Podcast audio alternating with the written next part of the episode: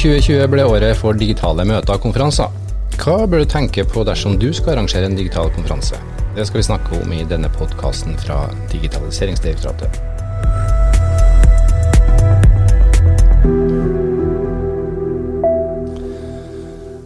Velkommen, jeg heter Are Kvistad, og i dag skal det altså handle om å arrangere digitale konferanser.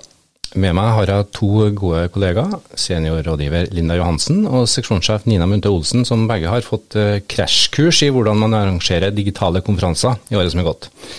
Og de er nok ikke alene om det. Saken er at de mer enn gjerne deler sine erfaringer fra året som er gått. Men uh, først, Nina. Uh, hvis jeg stikker fingeren i jorda, trenger vi egentlig disse digitale konferansene? Har vi ikke fått nok av å sitte foran skjermen nå? Jo, jeg tror nok det er mange som har den følelsen av at det har vært eh, altfor mye tid eh, hjemme alene, eh, og med lite sosialt og faglig eh, som er viktig i jobbsammenheng. Men samtidig så ser vi jo at koronaen den er ikke over, så vi må nok regne med at det blir eh, også digitale konferanser eh, i årene som kommer, og i hvert fall neste år. Og så tenker jeg jo at det er en del fordeler også med å kunne gjennomføre konferanser digitalt. Eh, man sparer jo både tid og penger. Mm. Og vi ser jo for egen del at eh, vi har fått med oss veldig mange flere på våre konferanser når vi nå har gjennomført digitalt. Og det budskapet vi har, det syns vi er så viktig at vi liker jo å ha veldig mange med oss. Mm. Så dette er noe vi kommer til å fortsette med. Ja, Nå kan vi vel ikke påberope oss at Digder er ekspert eksperter på digitale konferanser, men vi har faktisk arrangert et par skikkelig store konferanser det her året. Mm -hmm, det har vi. Eh, vi hadde jo digitaliseringskonferansen 25.8. Mm. En veldig proff og gjennomført konferanse. Og så hadde vi Brukerrådet 8. og 9. september. Eh, og dette var heldigitale arrangementer, og vi nådde jo nesten 4000 deltakere. Så det mm. er jo en ganske Det er jo veldig mange flere enn det vi tidligere har hatt på eh, fysiske konferanser. Og så har vi jo tatt i bruk digitale arenaer eh, på flere områder. Eh, F.eks. så arrangerer vi hjemlige informasjonsmøter om det temaet som går på informasjonsforvaltning, og det har blitt en stor suksess. Og kan også nevne at når vi åpnet Nasjonalt ressurssenter for deling av data, så skjedde jo det digitalt. Og da hadde vi også med oss eh, digitaliseringsministeren, og dette ble jo da i tillegg også streamet. Og det tenker jeg også er jo en bra ting med mm. digitale konferanser, at de blir jo gjerne streama.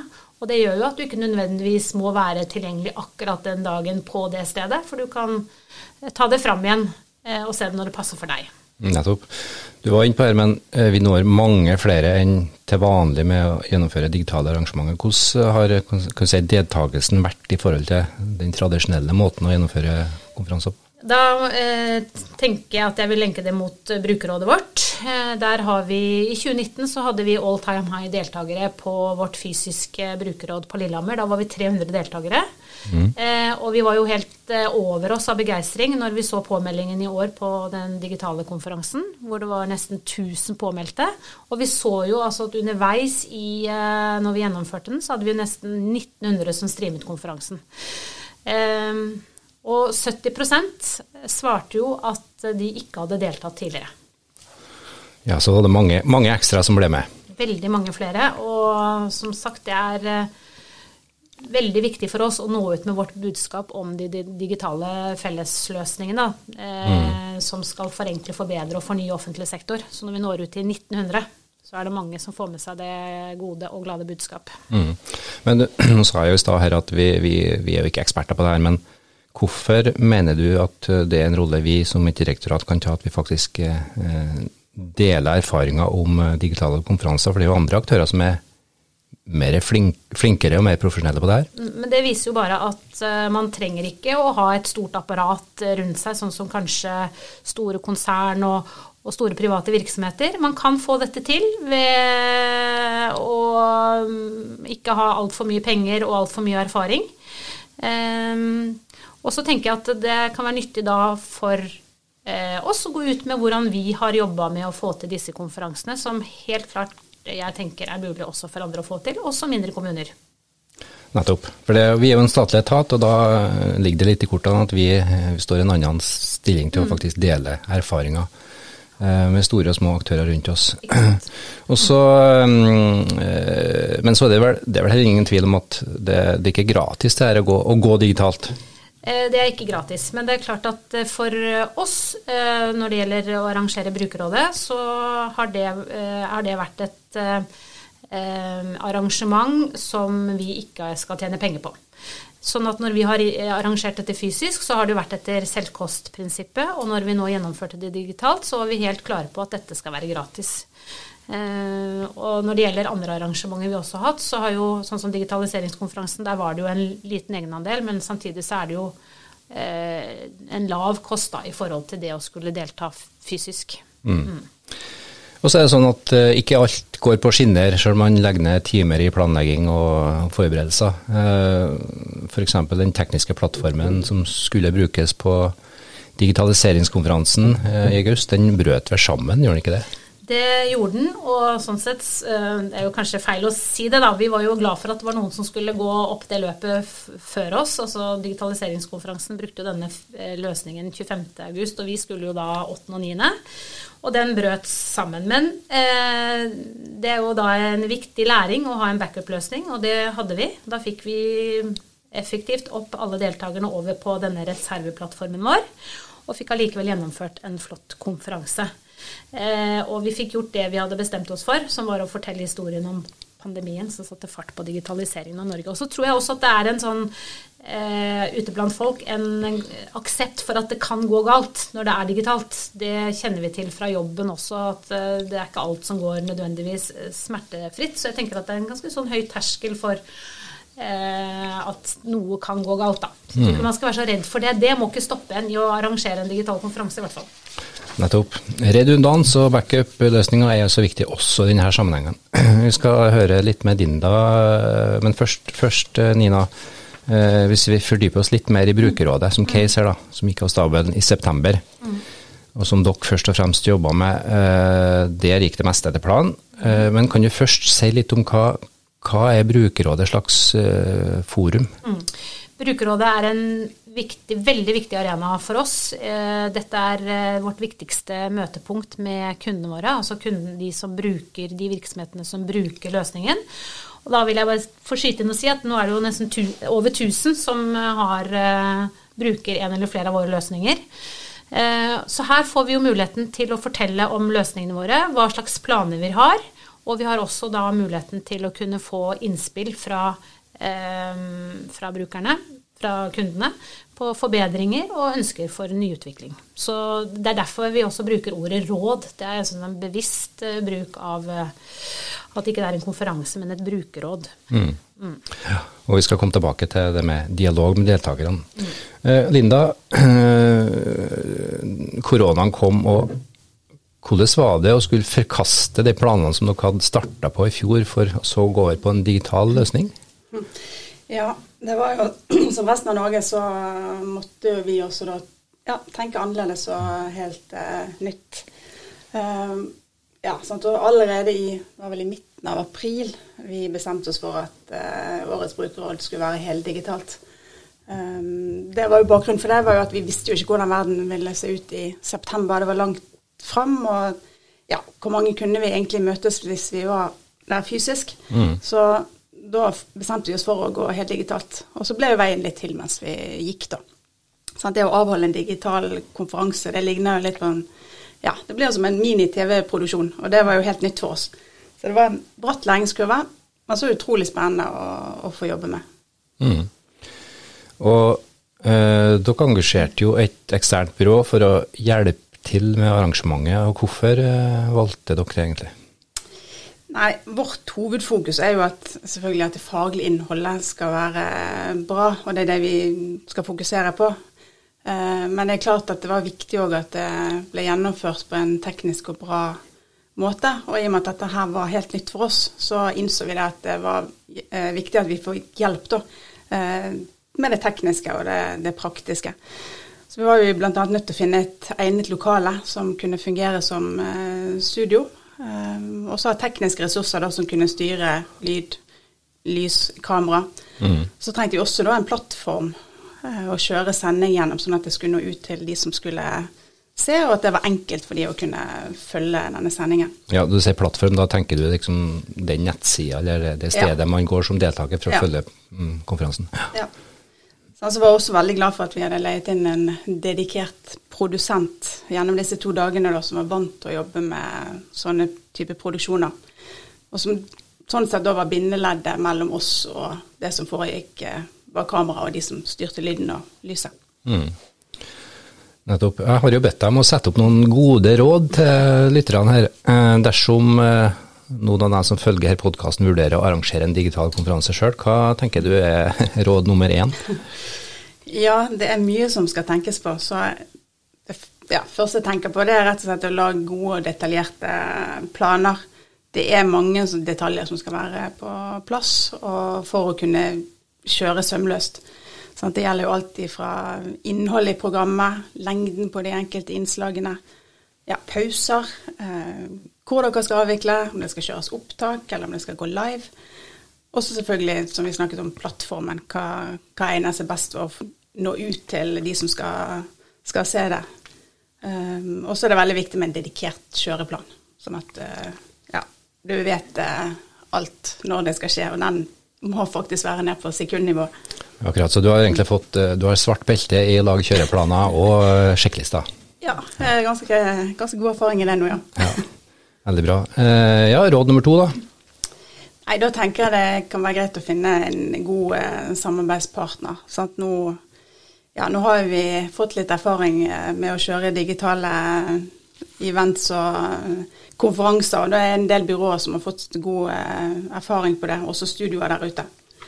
Um, og dette her med å ha med en produsent, det kan være vel verdt den investeringen.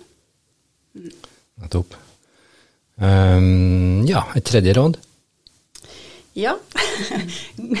Sørg for å mat og drikke tilgjengelig. Altså. Det er en sånn, ja, en sånn uh, avvikling kan ta tid. Um, så ja, vi er nå enkle. Vi trenger mat og drikke for å duge.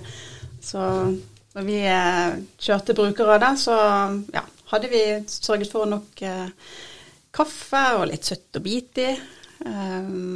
for oss da som var til stede i, i studio, og de som jobbet der. Eh, men vi så jo det at eh, vi fikk en liten tilbakemelding på det at eh, ja, vi kunne jo kanskje supplere litt mer med litt mer næringsrik mat, så ja. Ja rett, slett, ja, rett og slett for at det kan bli mye venting og mange timers arbeid i strekk. Absolutt. Mm. Ja. Så vi glemmer ikke det til neste år. Nei, nettopp. Nei, men det er viktig det. Mm. Uten mat og drikke osv. Ja. Uh, jeg var så vidt inne på det tidligere, men et viktig poeng med konferanser og forum, eh, det er jo eh, det her dialogen med deltakerne. Mm. Uh, brukerrådet er et godt eksempel på det at man deltakerne man ønsker engasjement og innspill og spørsmål fra deltakerne for å ja, bidra til at produktene som direktoratet leverer, blir bedre. Men i en sånn setting, da, muligheten for å stille spørsmål, hvordan løser man det egentlig? Ja, Som Nina var inne på, så er jo brukerrådet det er viktig for oss å ha dialog. Eh, det skal ikke bare være enveiskommunikasjon. Mm.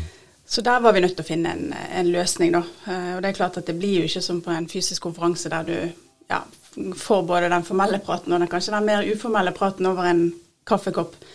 Um, så det var viktig for oss når vi valgte løsninger, at vi hadde en god sånn chat-løsning som der deltakerne kunne stille oss spørsmål, og der de også kunne få svar underveis.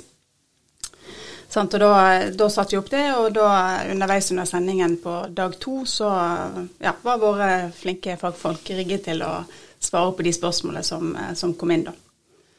Akkurat, så det er ikke bare dem som holder innlegg og foredrag som skal svare, men dere faktisk satte opp et, en stab med fagfolk i bakkant som fulgte chatten og utarbeide gode svar. Ja, det stemmer. Mm. Ok, men uh, hvor lang kan en digital konferanse være? Det er vel litt sånn spørre hvor mange runder er det rundt Bislett. Men uh, det kan jo være slitsomt å sitte i flere stive timer for en skjerm. Hva tenker dere om det? Mm. Nei, Det der var jo et tema som var stadig gjentagende under planleggingen. Um, altså Målet vårt var jo at de selvfølgelig skulle følge hele sendingen, selvfølgelig. Um, og så hadde vi dette med at vi tidligere hadde for vane å arrangere to dager. Og det, det holdt vi på. Vi, selv om vi skulle kjøre det digitalt, så ville vi kjøre det på to dager. Og da bestemte vi oss for at eh, dag én, det Det var på ja, var vel to timer. Um, sant? Også dette her å ikke ha et uh, for langt program og da, for, med fare for å miste seere underveis. Dag to var, hadde, var, noe lengre. Den var vel ja, 4 timer og 20 minutter.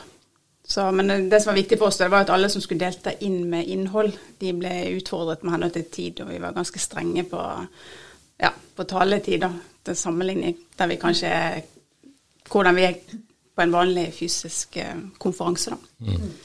Men kunne dere se eh, på loggene, på streamingsloggen over om folk falt av utover dagen? Her? Ikke på den løsningen vi hadde nå i år, så kunne vi det. Men det er en ting som eh, er viktig for oss nå når vi ja, skal mm. ha flere andre konferanser. At vi har muligheten til å kunne se hvor, ja, hvor folk kommer inn, og hvor de eventuelt ramler ut. Mm. Så er det jo klart at den eh, del eh, to, som, eller dag to, da, den var jo mer lagt opp til at ikke du nødvendigvis eh, hadde samme målgruppe he, gjennom hele dagen. Eh, sånn at det var Der gikk vi jo gjennom de ulike produktene, og vi vet jo at eh, det er litt ulikt hva eh, de der ute er opptatt av. Klart sånn som dag én, hvor målgruppen var alle, så klart da var det jo en tanke å ha det litt kortere. Ja. Så, ja, så, så deltakerne kan shoppe litt? Ja, tenker, og det er jo det som også er bra her, at vi tar det opp. Så man ja. har mulighet til å se det i etterkant. Mm. Det tenkte jeg, tenkte jeg spør om hva som, altså etterbruken av mm. dere opptakene. Uh, er det mange som etterspør det? Eh, ja, det er det jo. Som Nina sier, det er jo forskjellige interessefelt uh, der ute.